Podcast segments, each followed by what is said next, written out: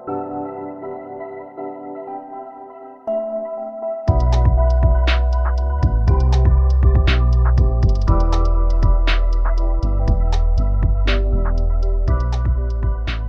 velkomin í auka útgafu á Rauður Ömurleika. Við ákveðum að gera annan þátt. Uh, Hann er hérna með mér, hann trösti breið fyrir Magnússon.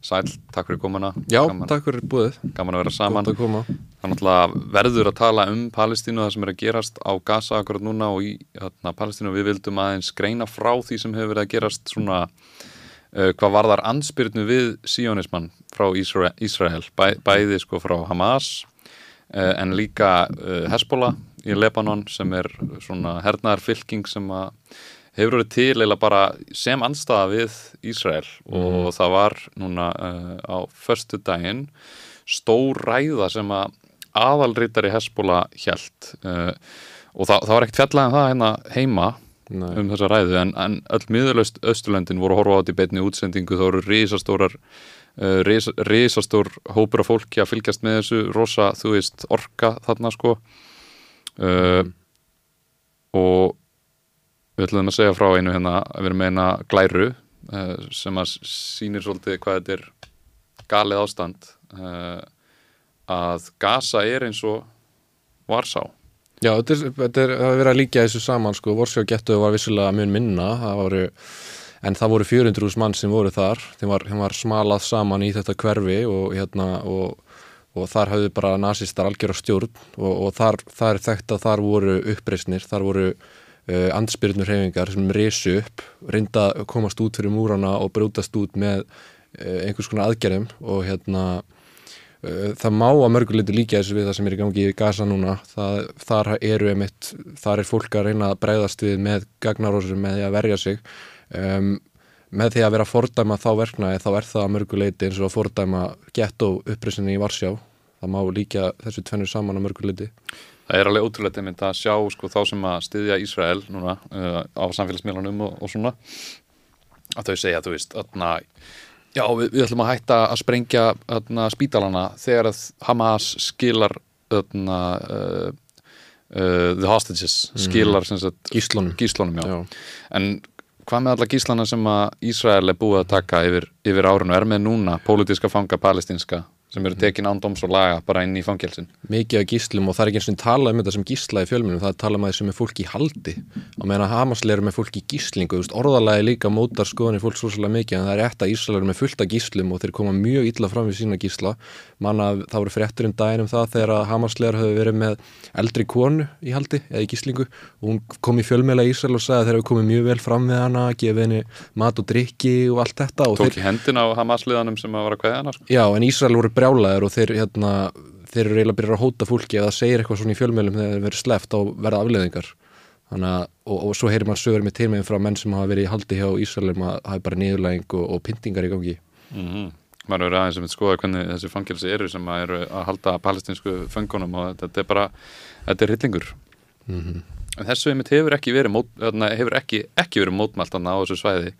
Síjónismannum síjónismannum hefur verið mætt að mikilvæg og auðvitað frá palestinska fólkinu en líka frá Lebanon og Íran og, og Sýrlandi og Egiptalandi mm. þau, þau hafa ekki verið hrifin að því að breytar og svo evróskir geðingar komið hann inn og myndi bara eitthvað ríki sem er reysastóran her sem er fjármagnar af ja. staðista uh, heimsveldi í heimi þú veist mm -hmm. og, og, og, já, og þarna hefur Ísrael uh, ræntlandinu af Palestínu tekið teki meira og meira brotið uh, alþjóðarlög ídrekað, trekk í trekk og ráðist á nákvæmlega sína já. reglulega eins og sexta stríðið mm. á riðast Ísrael inn í, inn í Sýrland mm -hmm. uh, og Egiptaland uh, en, en svo, svo er komin svona eftir á skýring varandi það stríð að oft er maður að heyri fólk tala um það þá talar það um það eins og sko miðausturlendin hafi ráðist á Ísrael.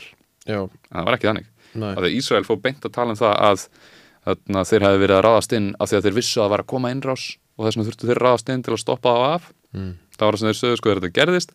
En svo eftir á er skýringin byrjað að vera svo og hugmynd, hugmyndin sem er dreift er að Sýrland og Egyptaland hafi ráðist á Ísrael. Já, og Ísrael að líta, það er svona sögurskýringin sem er í Ísrael að við erum í svona fortressi, við erum í svona virki og þau vilja öll aðna ná okkur, sko, þú veist, það er við þóra, við erum öll under sheet, skilur, og það er bara mentalitið þarna allstar, þetta eru skeppnur, þetta eru human animals, eins og varnamálaráðan sagði, og við þurfum bara, þú veist, við verðum eiginlega bara að gera árás, það er ekki að verja okkur lengur, við þurfum að gera árás, við þurfum að þurka þetta fólk út. Þeir eru er alveg, þeir eru eskalera bara þessi ógeð sem eru ráðamenn Ísraels núna var ekki mitt, þú varst að segja okkur frá hérna áðan að, að einna, einna var það varnamála ráðarann Þa- Það var hérna Minister of Heritage svona arfleiðar ráð þeirra, ég veit ekki alveg nákvæmlega hvað það felst í því, kannski eitthvað svona menningarlegt en hann let hafa eftir sér að, að það væri kannski bara best í stöðun að hérna, varpa kjartnorkusprengju á gasasvæðið. Já, bara, el- bara svona endalegin laust Já, svona loka laust sko, en, en á vísu hérna voru einhverju svona ráðherrar innan Ísrael sem slóu fingurna á hann og þú átt nú ekki verið að segja þetta, væni, eitthvað svona, en, en þetta er, þetta, ef ráðherrar segir þetta, þá getur maður eftir ímynda sér hvað er verið að segja bak við luktar dyr. Einmitt. Það er búið að vera með síðustu ára það er svona alveg, alveg ista öfga, öfga síjónista hærið er bara búið að ná upprisu komið í, til valda í raun Já. og Netanyahu er eiginlega fylking af svona öfga hæri en ekki eins mikið öfga hæri og er komið inn á þingið og inn í ríkistöðuna núna sem að er að lifta honum aftur til valda þannig að þetta- þarna allur síjónismi er náttúrulega gríðarlega öfgakendur þegar þú segir að, að það er að vera eitt ríkið sem er bara fyrir gyðinga þegar að það er fólk sem á heimaðana ennþá sem eru ekki gyðingar. Þannig að bara samkvæmt sko, skilgrinningunni á síjónisma þá, þá þarf þú uh, annarkvort að reykja allt þetta fólk í burt á landinu sinu með valdi sem þau eru að gera og hafa verið að gera eða þú, þarna fyrir palestinu fólki sem er eftir í Ísrael að það verður bara svona second class citizens sem að njóti ekki sem er borgarréttinda og, og svo framvegis. Já. en síjónismi er alltaf aukakendur en þú ert komið með sko algjöra brjálæðinga í stjórn sem að segja eitthvað svona einmitt að það þurfa bara að varpa kjartnorkusprengjum á þau og þau atna, styðja bara svona brjála fjöldamorðingja opinberlega sem að hafa farið að skjóta uh, múslima og pa palestinska Kallir þetta mannlegar skeppnur mm og kakkalakamindir dreifðar við og dreifum Ísrael um að palestinumenn séu svona, svona teiknar upp eins og kakkalakar sem eigi bara stígu honum með skónum. Einmitt, og og veist, allt þetta myndmál er orðið skuggalegt og þetta er allt eins og amnesti hefur verið að benda og þetta er náttúrulega bara þjóðurnisreinsanir sem er í gangi útrýmingar herrferð mm og ekki að byrja núna einmitt. Og, og Ísrael hefur bara fengið að komast upp með þetta. Það hefur ekkert verið gert, það hefur ekkert verið einhvern veginn raunverulega bröðist við. Um, fólk að tala um það að þú veist að, að, að, að þú leifir svona aðalega bara endalist að vaða uppi að hann gengur bara lengra og það er það sem við erum að sjá gerast. Góði yfirferðin á Viðari Þorstensinni í hérna gæra á fundinum, hann var að rekja söguna. Hann var að að ítrekka að benda og það var að vaði við palestinumenn það var ekki Tamas þá. Hann var að benda og það var búið að fara allar leið, mögulega leiðir, þú veist, friðsumir leiðinar mótmálagöngunar, allt gert. Það var aldrei neitt nógu gott fyrir allþjóða samfélagið einmitt, Hva, bara hva, hva, hvað, á þetta fólk að gera? einmitt. Á það Það- bara að gefast upp? það er, sem, það er ein- eina endanlega svona lógíska niðurstaðan hjá fólkinu sem að, sem að fordæmir með öllu að sko að, að Palestína reyna að berjast tilbaka að eina uh, raugreita niðurstaðan af því er einmitt bara að palestins, uh, palestinska fólkið sé al, alveg undir náð og miskun Ísraels komin. Já. og við sjáum hvað það er að skila sér. Hverju það er að skila sér, þú veist, þau eru ekki að fara að sína neina miskun eða veita þeim réttindi eða neitt. Og á vesturbakkanum þar er mitt ekki neinn það er ekki neitt Hamas, það er engin, engar sveiti til að verja fólk og þar er þessi gengdarlösa landtaka í gangi og það er ekkert sem palestinmenn geta gert þar. Á gasasvæðinu hafa þau allan að geta haldið því svæði þó þetta sé í rauninni ekkert nema útrýmingabúður þar sko, en þeir, þeir, þeir eru með þessar sveitir þar sem að geta varið þau. En, en þetta er einmitt hva, hvað áta fólk að gera og þess vegna er einmitt núna Hezbollah að- gera það að þeir um leið og árásanda byrjuðu á Gaza eftir árás Hamas þannig 7. oktober, 8. oktober byrjaði Hezbollah að skjóta á uh, hernar skotmörk í Ísrael og norður landamæranum og það hafði þau þær afleðingar að uh, mjög mikið að ísraelska hernum er fluttur upp í norðrið til þess að vera viðbúin því að Hezbollah fari að gera ykkur stærri árásir. Já. og Hezbollah eins og við töluðum um er, er fylking sem að stopnast uh, þýðir á, á, á arabísku sem sagt þarna, múslimska uh, andstaðan.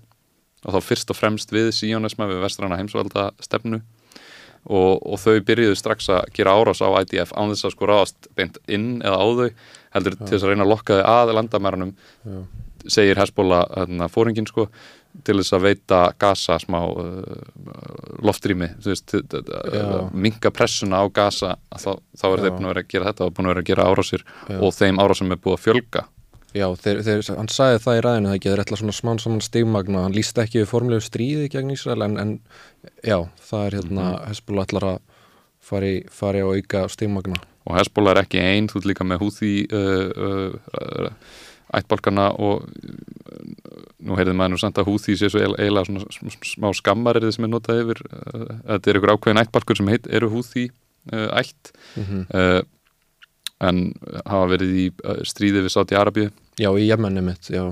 Þar sem var einmitt líka brotið mannúðalög endalaust trekk í trekk með stuðningi bandarækjana með Já. bandarískum vopnum. Hungursneið og þar framöndu göttunum mikil barnadöði mm uh, allt vegna þess að sátt í Arabía gæti ekki öðna, sætt sig við það að húþíðarnir væri þarna við stjórn. En húþíðarnir hafa sem sagt verið að gera ára sér líka sem að er að setja ennþá meiri þrýsting á Ísrael. Þetta er einmitt það sem er að gerast þarna er að löndin í kring og fylkingar í löndunum í kring sem eru gegn síjónismannum að þær eru að bakka hver aðra upp. Þær eru að gera þetta svolítið svona strategíst var allan að sem að atna, fóringisæðin. Á, áður við tölum aðeins meira um hann, Hassan Nasrallah sem er aðalritari Hezbollah við ætlum að sína smá búta á ræðanum frá honum. Uh, en þá kemur andstaða við síónisma frá fleiri stöðum en bara miðastunendunum og meðal annars var það uh, High Commissioner of Human Rights hjá Já. uh, saminnið þjóðanum í New York. Hann, hann sagði af sér Já, Og æ- er- mannréttindamála og saminnið þjóðanum með mitt og við ætlum að sína hérna bref sem hann skilaði af sér og í því er hann að greina frá hann, hann ætli bara að segja af sér. Það fór ekki mikið frá þessu, það fór mikið fyrir þessu kannski á samfélagsmiðlum, það fór ekki mikið fyrir þessu í fjölmiðlum hérna á Íslandi og Vesturlundum en hann segir af sér og talaði um að þetta væri ekkit annað en textbook genocide í gangi þarna og hann, bara, hann er bara alveg fekk upp í kók sko og yfir bara hvernig alþjóðarsamfélagið eða alþjóðarsamfélagið innan gæðsalappa það er Vesturlund sem að hérna er í rauninni ekki að gera neitt í þessu og, og leifa þessu að, að ganga sinn vana gang uh, útrýmingunni og hann hérna sagði af sér, þetta er náttúrulega bara rosaleg uh, rosalegt bref, ég mæli með að fólk lesi þetta bref af því að það er alveg bara hvern, hvernig hann hérna fer yfir málin er, er bara, já, hann lýsir þessu bara mjög vel. Við vonum að það sé hægt að lesa þetta sem er upp á skjánum akkurat núna þeir sem eru að hlusta bara við kveitum ykkur til þess að fara og leita kannski á, á samfélagsmiðlunum eða YouTube eftir Craig uh, Mokiber sem var að segja af sér og ég er búin að hlusta nokkur viðtöl uh, við hann einmitt og hann, hann, hann er búin að vera hann í mörg mörg ár og hann er að tala um að það sko í, innan saminu þjóðan og innan þessara stopnana þá veit fólk sem er í þessum embætum og kannski mjög mörg þeirra vilji bara mjög vel og er að reyna sitt besta til þess að við halda ákveðnum alþjóðalögum og, og, og þar framöndu göttunum sko en hann segir að það er vitað en það er bara ekkert sem þið geta gert einhvern veginn og, og líka þóru ekki alveg að leggja í það. Nei, en hann er held ég fyrst og fremst að segja af sér vegna þess að þau eru algjörlega valdalust til þess að stoppa þetta. Já, það er vandamáli við saminu þjóðunar að þau geta lítið gert nema að senda frá sér yfirlýsingar. Um, svolítið staðan eins og hún er með saminu þjóðunar bandarækin vítua, bara svona stóra ákvarðanir og Já. það kennst ekki gegn. Um eitt í öryggisræðinu þá geta þau alltaf gert það og hafa gert og þetta er stórt hjá Bryggsþjóðanum núna þær vilja endur skoða hvernig öryggisræði virkar. Uh, og með skilstaði vilja bara taka út þetta, þetta, þetta neitunavald Já. svo þetta sé meira svona sangjarnara ég heldur sé meina tilvitnun frá honum Craig Mokiber mynd hérna sem ég tek frá Redstream uh, net fjölmiðli á, á, á Instagram og þar segir hann að núverandi bara, núverandi slátrun palestinska fólksins sem að er uh, rótuð í uh, svona þjóðernis uh, ethno-nationalist settler colonial ideology á ennsku uh, gefur ekkert sveirum til, til þess að efa eða að rökraða og það sem hann er að tala um hann ethno-nationalist settler colonial ideology, ideology að þetta er þú veist, eins, eins og kannski mætti segja um bandrækjamennina sem að þurrkuðu út indjánana og færðu, færðu indjánana frá eða um öðna, kolóníur frakkana inn í Algeríu uh, þar sem er ykkur ákveðin svona uh, uh, kynþáttabundin hugmyndafræði um að hvíti maðurinn sé æðri og að öðna, fólki sem er þarna fyrir sé eitthvað neginn ekki eins uh, megnugt um rökhugsun eða um, um að byggja síðmenningar og alls konar svona hugmyndir sko. en kannski að Ísrael sé ekki beint svona ethno, sko, er ekki beint þjóðernis held, heldur snýstaðum trúabröðin má sért geðingur Já, og sért þar leiðandi aðri heldur en hérna, þeir sem búið á svæðinu, hann er svona, já, skilt því. Mm -hmm. og, og fyrst og fremst einmitt að, að, að út gýðingur, að þá, þá ertu þegn Ísraels ríkis, en ef þú ert ekki gýðingur, þá getur ekki verið fullgildur þegn Ísraels ríkis. Nei, nei. Og, okkur er sagt eins og, eins og í bandarækjum er sagt the bastion of democracy í miðausturlandunum. En þetta eru þetta ekki líðræði ef það eru bara viss, viss að tegundra fólki sem fá full borgarréttindi og marréttindi mm -hmm, algjörlega og hérna erum við með eina klippu sem ég fann á Instagram sem er gama, gömur klippa frá aðalritara Hezbollah Hassan Nasrallah og skulum sína hana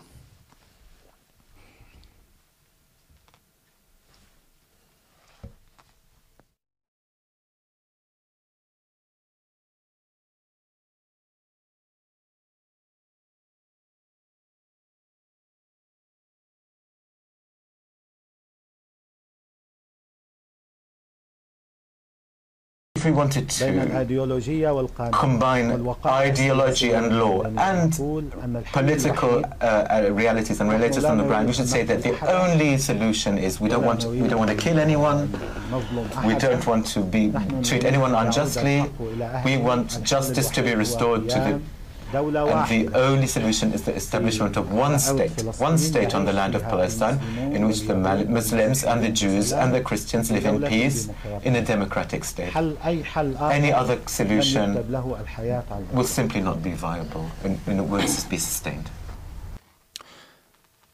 Mér finnst mjög áhugavert að hlusta að því að ákvaða að hlusta á þessa ræðu frá Hezbollah fóringjarnir sem var núna á, á föstu daginn mm -hmm. uh, og ég held að hugmyndir okkar um uh, Hezbollah og um Hamas og fleiri svona fylkingar er mjög rasísk og mjög raung og maður heyrði það eiginlega í þessar ræðu hvað hann er með, hann er með söguna á hreinu uh, hann er með mjög raunhæfar lausnir, mjög öllna hjartbundnar tillögur um hvað þarf að gera þú veist. Uh, þetta er ekki, eins og að vera að segja við okkur núna í meginstæðis fjölmjölunum að Hamas sé eins og ISIS, þetta er bara ekkert rétt þetta er ekki neitt rétt, þetta er bara ógeðslegt að þeir segja að reyna að halda þessu fram Og hver eru það sem hafa myndi verið að íta undir ISIS? Það eru Vesturlundin og Al-Qaida á sín tíma, þannig að, þú veist, þessi líking er alveg fáraleg. Mm -hmm. Þannig að, já, þetta er... Verður, verður eiginlega ekki ljótaræmi, þú ert mm -hmm. bara alveg að snúi þessu öll á kvolf, þú veist, bara, mm -hmm. þetta er viðbjörnsleitt. -hmm.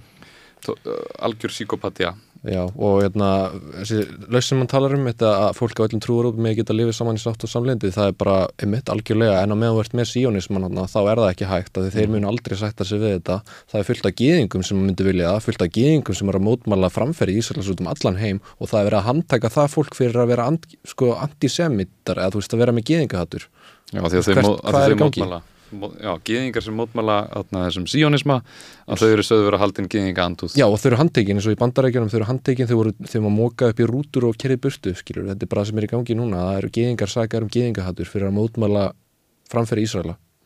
Þetta er galið. Og hlustandi á, á Hezbollah fóringjan og bara horfandi á hvað er búið að gerast undan dag og hvernig þetta þjóðamöru bara heldur áfram vest, vestrann upphlafa engan áhuga á því að stíga eitthvað inn í þau bara horfa á og, og, og hvetja áfram ef eitthvað er sko og, og blístra eitthvað út í loftu Ísal hefur rétt til að verja sig Ísal hefur rétt til að verja sig en, en býta hefur Palestína ekki rétt til að verja sig? Mm -hmm. Vist, af hverju er það aldrei af hverju aldrei talað um það að Palestína hefur rétt til að verja sig? Ef við kíkjum aðeins einmitt á kortið af svæðinu að það skýrir aðeins út hvað er í gangi þannig þannig ertu með Ísrael og Palestínu það sem er eftir að Palestínu. Og uh, þetta er ekki eins og svona mikið sem er hafað þessi gula sko, þetta er miklu nei, svona skattir að þetta er svona meira svona doppur út um allt. Það er búið einangur öll samfélagin sko. mm -hmm. og núna er það búin að segja mjög hart fram í að taka meira að landi mm -hmm. uh, þetta er í raun bara top, doppur hann á, á þessu sveiði svo, svo ertu með Jordán, með Egiptaland og með Sýrland og Lebanon. Og inn í Lebanon þar er Hezbollah. Uh, og Hezbollah hefur verið að gera árásir frá því að þetta hófst uh, frá Lebanon hérna í norðri og það hefur tókað allan, uh, eða helmingin af öllu, öllu heyrabli Ísraels er komin þarna við landamæri uh, Lebanon. Og sérstaklega fyrir blagamannafundin hjá Hassan Nasrallah hjá Hezbollah að, þá, þá voru þeir búin að hlaða gríðarlega miklu af herrgögni og heyrabli þarna við norð, norður landamærin. Af því að þeir vissi ekki alveg hvað var að fara að koma að, mikið að fólki bjóstæli við því að, að Hezbollah myndi bara lýsa yfir sko, fullu stríði og fara og, hjóla inn í Ísrael. En það varð ekki raunin. Nei. og ég held við séum tilbúin með fyrsta myndbandið úr ræðinu við ætlum að sína búta úr þessari ræðu hjá Hassan Nasrallah í Beirut í Lebanon á fyrstu daginn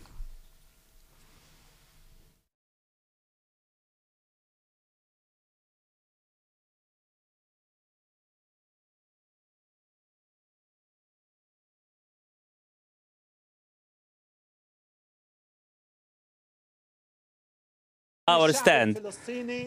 The pain and suffering of the Palestinian people is not a secret to the whole world. And there is no point to delve in this. Yet, the recent years were harsh, especially with this radical, stupid, and brutal government of Israel. There are four main headlines on the Palestinian landscape. The first is the Palestinian detainees. Thousands of Palestinian men and women and even children are held behind Israeli bars, some for years. Many are on the verge of death and no one is moving a finger. And with this radical government, this stupid minister made the lives of the detainees and their families even worse. The second issue is Al Quds, Al Aqsa Mosque, and what has been happening in the past weeks, namely the few days before Al Aqsa typhoon. These conditions were unprecedented since the occupation of Jerusalem in 1967. Third, the unjust siege laid to Gaza for more than 20 years, almost 20 years, more than 2 million people living in an open concentration camp without any person moving a finger in the whole world. The fourth one is the recent perils and risks hovering on the West Bank through the expansive illegal Israeli settlement under the auspices of this stupid fool government, in addition to the daily detention and demolition of homes. These are the key four headlines that have impacted the Palestinian and the Palestinian resistance. And no one in the whole world is moving a finger. The United Nations, Security Council, Organization of Islamic Cooperation, League of Arab States, European Union, none, none of the international blocs or organizations. On the contrary, the Palestinian cause and all what is happening in Palestine were totally forgotten. The whole world turned a blind eye to them, totally abandoned, totally forgotten. Það er svolítið áhvert að sjá mann sem er frá Hesbóla sem okkur er sagt að séu hriðjörgarsamtök vera réttu megin í sögunni og tala fyrir alþjóðlegum, tala fyrir mannréttindum og að segja sannleikan hana. Mm -hmm, algjörlega, það var bara ágætis yfir, yfirferð þannig hjá honum bara mm -hmm. talking sense í rauninni og ég mæli með að hlusta á allar aðeina það er að finna hana á allt sér sér við ætlum að horfa á einn búti í lokin hérna áður en við hættum uh, frá hann í viðbót en, en mm -hmm. Einmitt, það er bara, svona er staðan þú veist, það er bara reysastórt uh, uh, reysastórt concentration camp í Gaza. Mm -hmm. enginn stoppar Ísrael, umheimurinn segir að Ísrael megi verja sig Hamas eru sagðir vera hriðverkamenn þegar raunin, raunin jú, vissulega hafa hriðverk verið framinn og það er alltaf hryllingur en Hamas sem pólitísk, pólitísk stopnun og, og stjórnandi þannig uh, hjá Palestínu kosin inn mm. hafa fimm sinnum reynd að koma fram með fríðar og samningstillögur við Ísrael mm. á bara mjög málefnarlegan hátt mm. og, bara jarðbundið og allt það Jú. þeir fara fram á það að landamærin uh, 1967 sem voru samþygt á saminu þjóðanum að þau verið tekinu upp með smávæglegum breytingum tekið með að hagsmunum uh, begja aðala og bara mjög veist, og bara mjög ummitt, en það bara skiptir einhver máli. Ísrael síonistanir eru oföflugir þeir ætla sér bara að taka allt landið og, og íta öllum út. Mm -hmm. og við gætum stoppað þetta. Bandarækinn gætu stoppað þetta. Þau gætu stoppað þessa gengdalísu landtöku ef þau vildu en þau gera það ekki, bætin sem bara ánaður með framfyrir mála og er alltaf með þess að menturum að hafa rétt til að verja sig. Við sjáum bara hvernig staðan er í dag hvernig hún er orðin útæði með þessu stuðningi við þetta, þessar döðarsveitir í rauninni. Mm -hmm. og þeim leifta að grassera. Já, þeim bara leifta að grassera þetta er bara, já, sjá bara hvernig Vesturlund er að haga sér í þessu máli ef maður bara skamma sín sko, að við séum einhvern veginn að titla okkur sem, það var sko Úkrænistrið hérna í gangi sem byrjaði fyrir rúmi árið síðan og þá voru öll hérna við stríðsklæpirnir sem að Putin er að fremja, fýlíkur skeppnunar skilur. Uh, núna tveimur, þrejum vikum er búið að drepa sko, ég, bara mörg þúsund börn og, Mhm. og talan í öllu úkrænistriðinu er sko, ég man ekki hvað hann er, nokkur hundruð mm og, og, og ef, ef að fólk er tilbúið að kalla það skeppniskap, hvað er þetta þá? En það er engin tilbúin til þess Einmitt. og, og eitt, eitt mjög mikilvægt í þessu er að uh,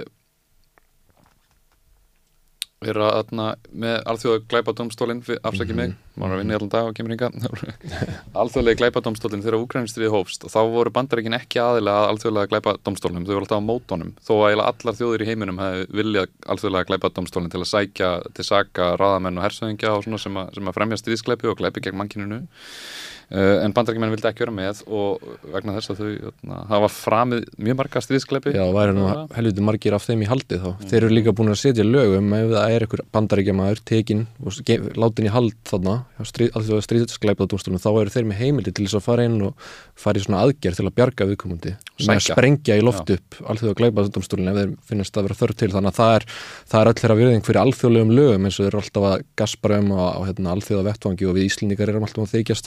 að hérna, að því og þið eðist þetta bara prófa, prófa að googla bandarækjunni gáðu sér heimildir til þess að ráðast inn í alþjóða domstólun í hag til þess að bjarga sínum hersöðingi með að væri verið að lögsækja þá fyrir einhverja stríðskleipi Já, en mjög áhugavert það sem gerðist þegar Trump var fórseti og bandarækjun voru ekki orðin aðili að alþjóðlega glæpadómstólnum. Og þá var aðal saksóknarinn þar uh, að vinna í rannsókn á sko, pyntingarprogrammi bandarækjana sem var stort og mikið og vísvegar um heiminn sem var líka partur af sko, stærri rannsók þeirra alþjóðlega glæpadómstólsins á stríði bandarækjana í Afganistan. Þannig að þetta var í vinslu þú veist, þau voru að vinna í þessu og ætlaði að fara að leggja eitthvað fram. Og þá var það í ofnbyrju umræða þetta er náttúrulega eitthvað sem hef, hefði átt að gerast fyrir löngu síðan að byrja rannsóknir á, á þessum stríðum öllum. En Trump sagði þá og Mike Pompeo, þetta er ekki svo aðra Trump að, að nú væri orðið al, alveg augljóst að alþjóðlega glæpadómstólinn var í bæjast stopnun gegn bandaríkjunum voru þeir að segja, þú veist, þeirra rauninu náttúrulega allt önnur, öfug. En þegar að Rúsland ræðst inn í, Ukrænu að þá vilja bandarækjumenn verða aðilar að glæpadómstólunum og öðna, setja það í gegnum þingið uh, vilja vinna með alþjóðlega glæpadómstólunum til þess að rannsaka stríðskleipi rúsa í Ukrænu og meinta stríðskleipi rúsa í Ukrænu og uh, þeir hafa verið nokkrir. Uh, en þá samþykja er það, byrja að fjármagna dómstólinn og það sem gerist er að aðal saksóknarinn sem hafi verið yfir uh, glæpadómstólunum, hann allt í hennu hættir mm og rannsókninum á uh, pyntingaverkefnunum og Afganistanstríðinu þeim bara hætt. Og þau fara að vinna eitthvað rannsókn á stríðskleipum rússa uh, sem, sem virðist síðan bara vera eitthvað bull sko -hmm. að þe- þeir eru að dra þegar þú, þú ég held að vissulega hafi rússar framið ymsa stríðskleipi núna á þessum tímapunkti í Ukrænu og þá lögsækja þá fyrir það Uh, en það sem gerist er að, að það er einhliða tekinu upp afstæða bandarækjana til þess að fara og, og lögsækja Pútín uh, er ekki eins og fara ekki eins og í sko skýrustu dæmin þeir bara, ég veit ekki mm. hverju þeir völdu það sem þeir völdu og gefund alþjóðlega handtökuskipun gefin út alþjóðlega handtökuskipun og rannsóknunum á stríðsklæmum bandarækjamanna er bara sleft mm -hmm. Og þarna, þú veist, þarna er það búið, að búið að raungerast það sem Trump var að segja að þarna væri með alþjóðlega glæpadómstólun að hann væri bæjast nema það er bæjast í átt frá Þe- þau eru ekki rannsökuð en allir aðrir eru rannsakaðir ég held að hlý, hlýtur vera afhjúpast fyrir fleira og fleira fólki hversu mikil hræstin er og hvað þetta fellur um sig sjálft uh, alltaf þegar verið að gaspurum að við séum hérna svo heimsliti sem að virðir mannréttindi og með hana skeppnunar hann í miða Östlundum er alltaf með mannlega skildi og hérna varði ekkert um mannslíf og allt þetta, þetta er svo mikil rasismi þessi orðara, en hvernig við er með hræstin í þessu öllu saman er svo ótrúleg og við einhvern veginn séum að halda þið fram að við séum svo heimsliti sem virðir alþjóðlög og við látum okkur mannréttindi varða og allt það sko, hvað svo þegar holminni komin þegar það kemur að einhverju sem er bandamæður Vesturlanda þá skiptir allt í einhver móli mm. þá allt í einu bara, nei það þetta er flókið. Já, flókið. Þetta er ekki flókið, þetta er mjög einfalt. Þetta er mjög einfalt og ef, ef alþjóðlega glæbatómstólinn væri virkilega með na, svona integrity og væri að vinna eftir þessu sínum raunverulegu reglum og það myndi gilda jæmt um alla mm. þá, þá væri komin út handtökutilskipin á Obama, á Bush. Mm. Uh, á Hillary Clinton, á Bill Clinton uh, á Tony Blair -hmm. veist, og Davíð Oddsson held ég mér að segja líka. Já, hann já. er örgulega búin að brjóta alþjóðlega með því að vera veitna, með aðli í innrásinni að Írak. En, en þetta er hryllingur sko að, að, að þetta alþjóðlega samfélag að st- stæðsti aðilinn í heiminum bandarækin, að þau virða það bara vettu í, þeim er alveg sama. Og það, það gerir mann svolítið það, það vekur áhyggjur um það að þú veist bandarækin eru að missa svolítið sína alls ráðandi stöðu á nettinum.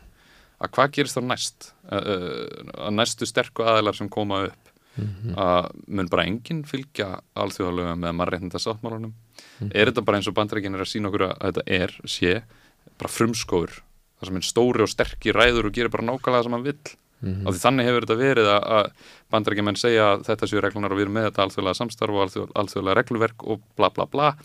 En bandarækjumenn þurfu ekki að fylgja því sjálfur Já, þetta er bara rosalegt og svo sjáum við að það er verið að slátra blaðamönnum, það er verið að gera árásir á spítala, það er verið að gera árásir á sjúkrabíla og, og það er verið að gera þetta allt fyrir framann augun og okkur. Erum að sjá myndbönd, bara, bara, ég hef aldrei séð præðileg myndbönd og ég er búin að sjá síðustu dag og vikur af þessum, þessum viðbyrðum, þetta er bara, mann alltaf bara er ekki búin að vera bara með sjálfum sér undan þarna vikur út af þessu sem maður er að sjá sko og bara hvernig það er fyrir fólki sem er þarna að upplefa þetta, þessa stríðsklæpi, þessa, þessa, þessa útrýmingu, þessa gjöreðingu sem er þarna í gangi. Og svo eru Vesturlundi einhvern veginn bara, já þetta er bara flókið. Já, við verðum að, we gotta destroy Hamas bara tortíma öllu Hamas. Já, en ef, að- ef að þetta fólk væri í Ísrael, myndi þá, myndi þá Ísrael að gera þetta? Eða væru terroristar, eins og þeir kalla það, væru í byggingum í Ísrael, myndu heilu blokkinar í Ísrael, þeir myndi ekki gera það. Þeim, þeim finnst þetta allt í lagi að þetta er brúnt fólk að þetta er palestinum en að þetta er ekki Ísrael sem búi í þessum blokkum, þá er allt í lagi, það var ásættalega fórnarkosnaður og, og þessi rökum eitt mannlegu skildina, hver eru sönnunagögnin fyrir því? Við fáum aldrei neinn sönnunagögnin með þess að svo kvöldu mannlegu skildi. Bara eitthvað sem. Ísrael segir, þeir segja já við drafum tvo Hamas liða. Og við hefum alltaf að taka undir, já, þeir eru með mannlega skildi en ræðilegt, já, já, bara engin sönnugögn, ég er búin að af sönnugögnum um glæpi Ísala, þeir eru fyrir allra augum. Hver er, þú veist þeir drafu blaðamann um daginn og alla fjölskyldunars Og fjölskyldunars, nánustu tíu ættingjans þetta eru bara svona húsi. þetta eru þök sko. þá varum við precision guided missile svona, svona sprengja sem að, sem að er þetta miða mjög hnitmiðað á okkur staðsendingu og þá bara teki húsið hans þú veist bara, þú sendir eina bara búm, sprengja húsið hans og alla fjölskyldun hans. Og hann getur þá ekki lengur tekið upp myndbund að því sem er að gera að gera og gerast. Og, það, og það er búið að drepa 30-40 blaðamenn núna líklega bara í svona beinum, einbeittum árásum. Þetta eru stríðs, uh, brot á alþjóðlegum um stríð. Og starfsfólk saminuðu þjóðuna líka það er búið að drepa fullt á því. Mm enda eru, eru Ísraelar mjög á móti saminuðu þjóðunum, þeir eru brjálaðir yfir því að saminuðu þjóðunar hafi vilja vopna hlið, alveg bara styrlaðir að reyði sko. Kölluðu eftir afsögn Antonio Guterres aðalritur að saminu þjóðana af því að, því að hann atna, var að tala fyrir alþjóðlegum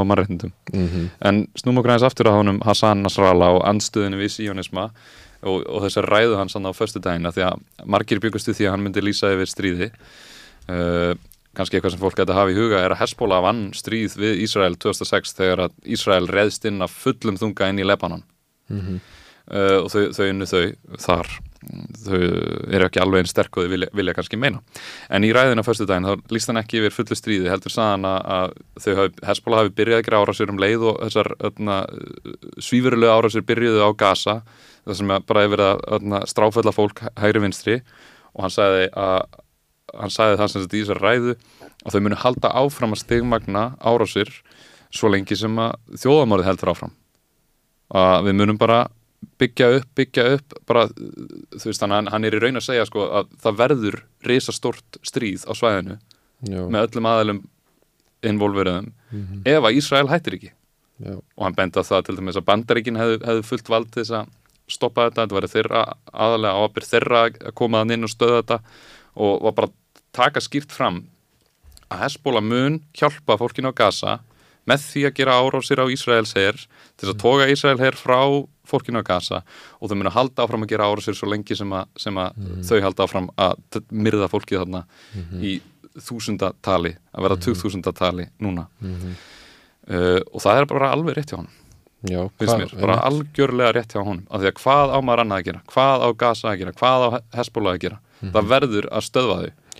Vestur, Vesturlund eru vilja náttúrulega bara að palestinmenn gefist upp og lifa þess að ganga yfir sig og það er svona fordæmaðar allar mm gagnar á sér -hmm. fordæmaðar finnst, finnst að vera skandal kalla það hriðiver og höfum það alveg að reyna því hver veit hvað mun gerast núna á næstu vikum en ef það brýst út alls er að stríð þarna þá verður það fyrst og fremst á ábyrð bandaríkjana og alþjóðlega samfélagsins svo kallaða fyrir að geta ekki brúðist við og komið og stíðana inn í. Enda eru sjaldan stríði heiminum nema bandaríkin eigi þar í hlut. Þetta er eins og það var einhver hérna, ég held að veri á kínverska hernum, hann sagði að bandaríkin væru addicted to war þau eru, sko, þau eru svo fíkil hergagniðnaðurinn er náttúrulega, það er náttúrulega eitt hluta af þessu. Það hlutabrifin hækkuð hjá Raytheon og öllum þessum vopnafyrirtækjum leið og átökin fór í gang sko. Vopnaframleiðendunir alveg bara með dollaramerkinu í augunum. Það er náttúrulega einn ági af þessu en, en svo er það líka bara þessi heimsvalda stefna sem að snýst um að arðræna aðra heimsluta, subjugata uh, aðra heimsluta til þess að ná sínu fram, til þess að alþjóðlegu stórfyrirtækin geti komið inn og arðrænt um, svo er það náttúrulega þessi síónista lobbyið, uh, síónistar með rosalega sterk á, ítök inn á þingin í bandarækjunum, ef þú talar gegn Ísrael og ert þingmaður þá ert eiginlega bara búinn sem stjórnmálamaður, þú farði ekki lengur funding af því að stjórnmálamenn komast eða ekki inn á þingnemaður séu bakkaðar af stórfyrirtækjum eða, eða sterku svona, hvað heitir þetta, super pack eða svolítið sko, sem eru á bakvið. Það er svona rísa, rísa styrkingapakka frá fyrirtækjum og einstaklingum inn í, inn í atna, stjórnmála uh, frambóðið þitt. Já, þannig að ba- bandaríkin eru náttúrulega ekki líðræði, þetta er, þetta er auðræði og, og svo sem er með mestan peningin á bakvið sig næra að komast á þing, þannig að það, er, það, það þorir enginn að tala gegn Ísrael. Þetta er allt þetta að spila saman og, og gefur okkur þá stöðu sem við erum í akkurat núna. Og eina sem, eina sem hægt er að gera mitt er að, að þeir sem eru á svæðinu veiti viðnám gegn, gegn því að því að annars er bara Ísrael að fara að taka það nefnir og þeir ætla ekki að hætta þeir eru búin að taka við Gaza. Benjamin Netanyahu var með kortum daginn þar sem hann síndi The Great State of Israel. Greater Og- Israel. Greater Israel. Og það fól í sér að þeir væri konir með Líbanon líka. Og ef ég man rétt inn í Egiptaland að, og, og, og inn í Jórdaníu líka. Þannig að þú veist, þetta er, þetta er, hætt ekkert þetta er alveg eins og bandaríkin voru á sín tíma varandi indjánuna, þeir fór alltaf aðeins þú veist, eitt skrif í einu, þannig að þeir voru konið með allt og, og núna er þeir með að segja hérna Gaza búum að rýma norður Gaza því að þú veist, þeir eru að fara ykkur aðgerið þar. Þannig að það, það er markmiðið bara að taka norður Gaza og svo kannski setjum taka suður Gaza og bara burt með ykkur. Og vilja helst að palestinska fólki fari til í Egypta uh, til Egyptalands í sína í eðumörkina Já, en nú hafa einmitt í, eh, hafa aldrei verið fleiri herskip uh, frá því í setni heimstyrjöldinni að því að bandarækinn komaðan inn með ristur flugmóðurskip og fleiri skip til þess að venda, venda Ísrael sko. uh, og hann Hassan Nasrallah hjá uh, Hezbollah hefði ýmislegt að segja um það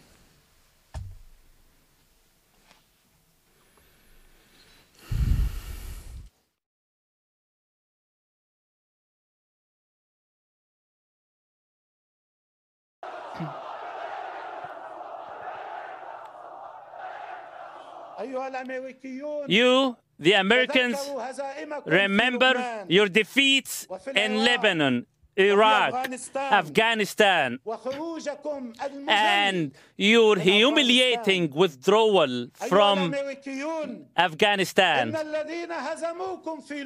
Those who defeated you in Lebanon at the early 80s are still alive, backed and supported by their children and grandchildren.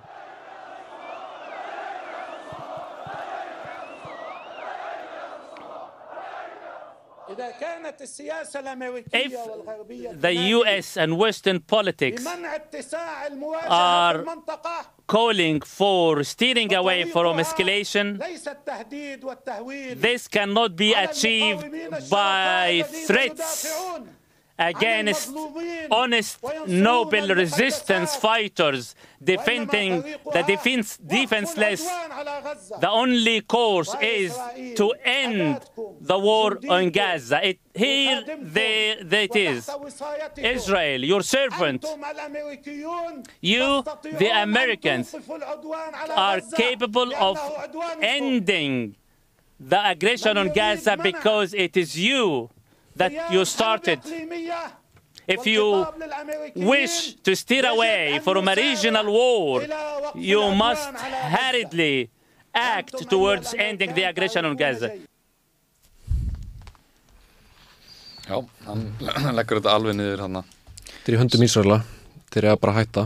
Og höndum bandarækjamanna og einmitt að þrýsta á þau að hætta þessu. Af því það, það er ekkit annað sem, að, sem að kemur í veg fyrir eh, hreinlega alls er að stríð þarna. Mm -hmm. og merkilegt hann sagði þarna að ykkur verður að venda þau van- varnarlausu. Og það er alveg rétt hjá hann þarf ekki, þú veist, það þarf að stoppa Ísrael. Já, algjörlega. Það, það er einu stöðunni, hvað annað hvað annað og, þú veist.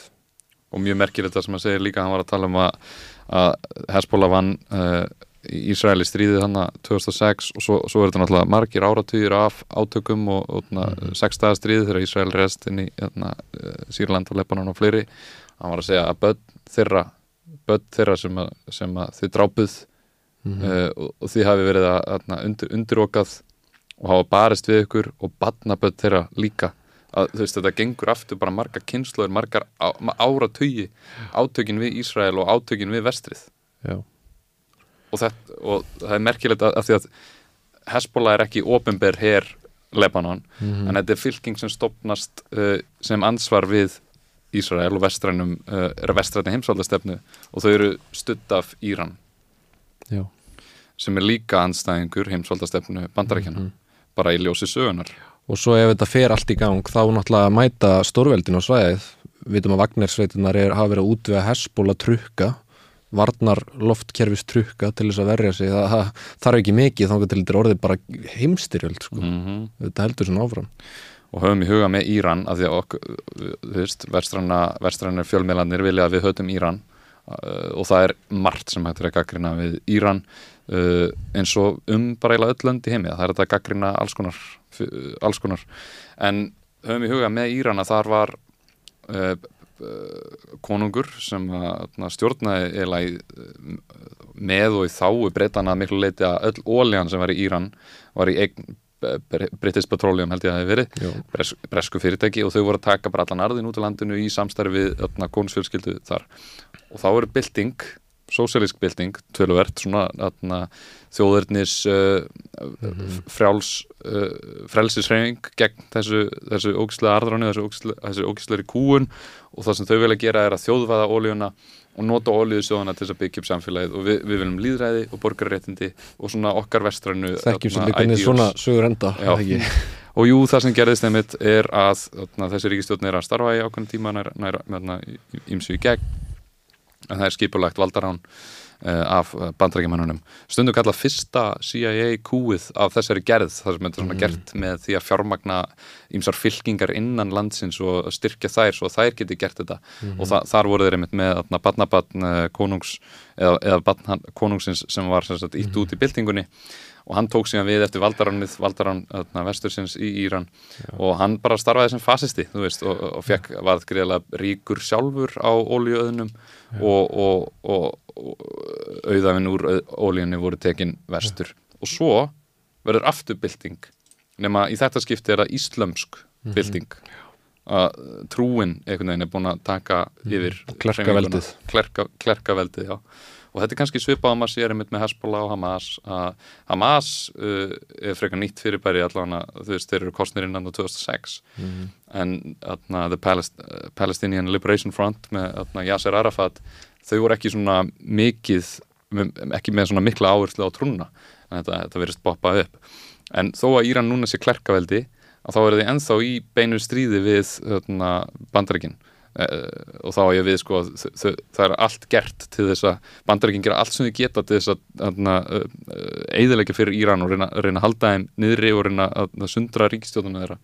Og þess vegna hefur einmitt Íran verið að, fjármagna atna, fylkingar eins og Hezbollah sem að er að berast við atna, Ísrael veist, af og, af og til allavega er viðnám við, við þau. Já, og eitt sem er risavaksið sem að náttúrulega gerði mið Austurlöndin, þjóð, fólkið þarna, þjóðunar þarna brjálaðar er að Trump skipaði þarna, morðið á Qassim Soleimani sem var uh, hersöðingi hjá Íran sem var stundin sagð, sagður vera svona annar í stigveldinu í stjórnkerfinu á Íran.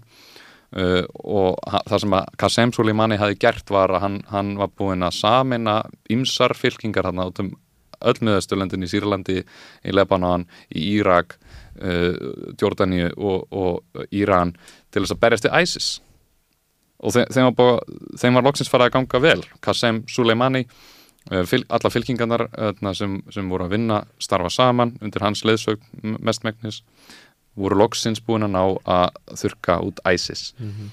og, og hann er bara ótrúlega vinsæl þjóðar hetja fólk af því að Ísrael, nei ISIS voru algjörir snarklikkaðir brálaðingar sem fóru mm -hmm. bara út um allt, myrðandi og eðlengjandi allt en akkurat þá þegar það er komin smá stöðuleiki orðin svona hérna, nýr forsenda fyrir betri stöðuleika, meiri vinskap á milli þjóða hana, að þá senda bandarækjumenn bara uh, sprengja á hann, taka hann út Það er aflífan bara, mm -hmm. andómsólega, það er bara svona sem þetta er gert mm -hmm.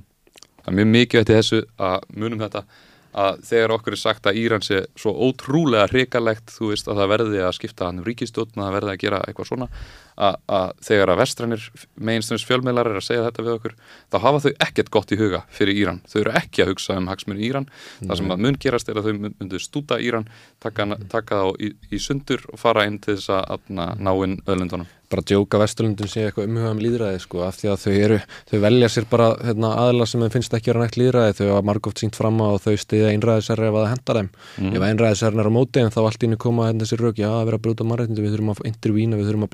í málin ef að, af hverju þá ekki vera að gera í Sáti Arabíu, jú, af því að það eru rosalega mikil ólíða þarna að viðskipta sambönd sem er í gangi við bandaríkin, þú veist, mm -hmm. það, það bara skiptir öllu máli, peningandi tala í þessu og bandarækinn stuttu meira en helming allra atna, diktators, allra einræðisherra á 2000-stöldinni. Já, en, en svo er það spurninga mitt hvað hva segir Ísland, Bjarni Ben, hann var, hann var reyður við norskan bladamanna því að hann dyrðist að kalla þetta árásir á Ísraelum. Það er svo galið hvað við erum bara að fylgja bandarískri utrengistefnu og þó að sé sko blatantli augljósta mm -hmm. að þetta heldur engu vatni, þetta stennst engin alþjóðalög. Og samt eru við einhvern veginn að standa bara þjætt með bandrækjumennum í sinni geðviki og í sinni og svo er sjálfstæðisflokkur alltaf svo stoltur á sinni sög, við erum að berast fyrir sjálfstæði landsins, við, hérna, það eru við okkar vakt sem eru um sjálfstæði en svo sko geltaðir og alveg bara, veist, og alveg bara sleikja upp sko erlend her, herrveldi sem kemur hérna og skipur okkur fyrir verkum. Mm -hmm. hvað er sjálfstæðisbarátan hann mm -hmm. hún er hverki sjáanleg.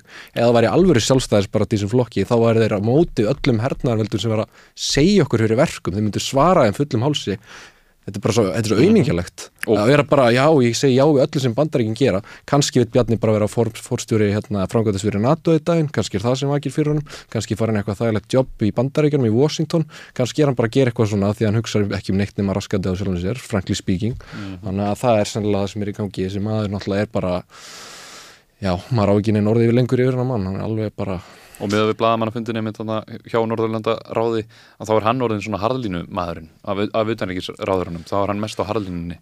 Svona eins og hann hafi verið fengin í þetta litverk, mm. en mhm. sem er eh, eitt vanandi þetta að við séum að fylgja þeim bara að það, þetta, það er svo mikið í okkar hag, Íslendinga, Íslands að það sé, raunverulega alþjóðalög, að það sé veist, eitthvað að marka þessar stopnarnir að við erum örþjóð með engan herr og við erum bara undir það komin að það sé ákveðin stöðuleiki í heiminum þú veist, mm -hmm. þess vegna ættu við auðvitað eins og allir almenningur vill, lefið mér að fullir að nokkuð vissum, mm -hmm. að við stöndum með alþjóðalögum, við stöndum með því að stríðskleipir séu sótið til saka skiptir ekki máli hver gera á stríðskleipurinn er atriðið sem er að taka á mm -hmm. þú veist, og þess vegna ættu við auðvitað að vera á alþjóðasviði að tala fyrir því núna að það væri rannsóknir á uh, fyrsta lagi stopp vopnarlið í, í Palestínu, en líka að allir stríðs glæbamenn verið sótið til saga Já, verið gefið alþjóðlega handtökurskipun og, og einmitt, ef það er, ef er eins og bara gert með Putin, það er bara fordæmið sem við höfum, ef að, ef að, ef að hérna, Benjamin Netanyahu eða einhverju ráðamenn eru greipnir uh, í Evrópi eða hvaða landi sem er, þá má handtaka það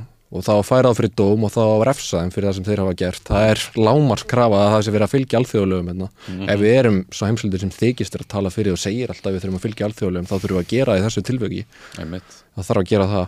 Og og gríðarlega mikið þetta mynd núna og þess vegna er svo gott að sjá að Bryggstöðunar annar og þriði heimurinn sem er að rýsa upp að hann vill viðhalda þessu kerfi þó þetta hefur alltaf verið bull þetta hefur aldrei átt við um þarna, stæðstu aðalina í heiminum við mm. Evrópu og Bandaríkin en þau, þau gera sér grein fyrir því að þetta er gríðarlega mikilvægt að við séum með svona alþjóðlegt kerfi sem að, sem að ætti að geta fyrirbyggt stríð og átök og, og viðhaldið frið og samfunnu mm -hmm.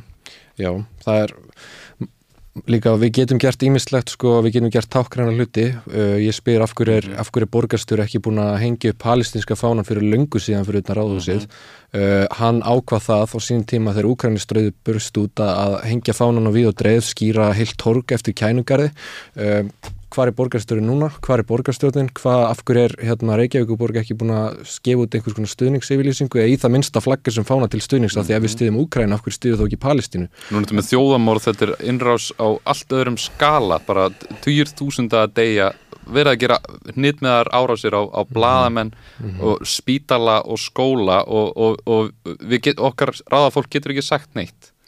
Hvar eru palestinsku fánanir? Ég, ég tek mm. bara undir með þér alveg greiðalega mikið. Já, og við höfum hérna, sendum brefi dagvalláttu þetta í borginni og, og hérna, spyrjum hvort þau var ekki til að leggja þetta sameiglega fram. Við erum undar ekki fengið neitt svar en þá. Það verður fróld að sjá hvort við fáum einhver svör og ef enginn er til þetta þá verður við bara að leggja fram til um þetta. Veist, um, mm -hmm. Þetta er mhm. náttúrulega ekkert eitthvað stór aðgerð en í rauninni, jú, tákgræn og, og, og sýnir það að höfuborg Ísland stendur með palestinubúum að því að við hefum ekkert séð hingað til frá borginni. Ég er að segja þetta sem borgarfulltrúi og, og ég vil náttúrulega leggja með þetta mörgum og ég vil að borgin leggja þetta mörgum í þess að við sínum palestinubúum og við stöndum með þeim. Það væri mjög mm -hmm. dýrmætt fyrir þá palestinubúa sem búa líka hérna í borginni að sjá það gerast að því að það er ekki, ekki búið að heyra sneitt frá borgarstjóra í kringu þetta mál. Mm -hmm. og já, hann er kannski upptökin á borginni en það vantaði ekki að heyri stíðanum þegar Úkrænistriði bröst út. Það vantaði ekki þá Það er, það er mjög mikilvægt að sína stuðning að segja táknarænt, þó þessi táknarænt þá, þá erum við að senda út að það verður að gera eitthvað í þessu.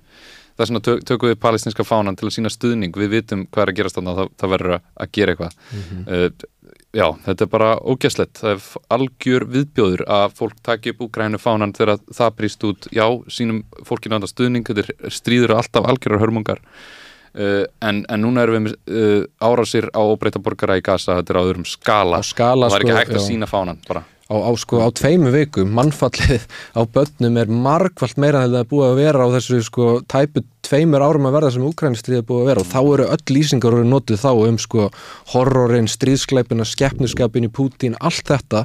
Af hverju er ekki að vera notið þessi sterku lýsingur orð þérna hjá sko, sko mei, svona hvað maður verður að segja, þessum stóru stjórnmáli kanóni sem eru sko við völd Já, af, hverju, af hverju þetta allt í svona flókið og mennir svona eitthvað nefn femnir við að láta afstöðu sinni ljós? Af því ég skinni ekki að það sé neitt í gangi sko allána frá borgarstjóra þannig Það fyrir náttúrulega bara einmitt ekkert á milli mála heldur að Ísrael er að sækja fram af miklu, miklu meiri skeppniskap og brálaði en, en, en rúsargerði og þannig að auðvitað eigum við að vera að standa upp núna Mm -hmm. En trösti takk hjálpa fyrir spjallið uh, það munur líklega hrikalega fréttir berast áfram frá uh, Ísrael og Palestínu og við bara krefjumst þess að ríkistjórn Íslands beiti sér að fullum þunga fyrir vopnarliði bara tafar löst og við viljum benda á það að á morgun er tekin mótmálastaða fyrir auðvitað aðra bústæðin kl. 9 þar sem ríkistjórnin er að funda uh, og á 50 daginn kl. 5 þá fyrir við fyrir utan bandaríska sendiræðið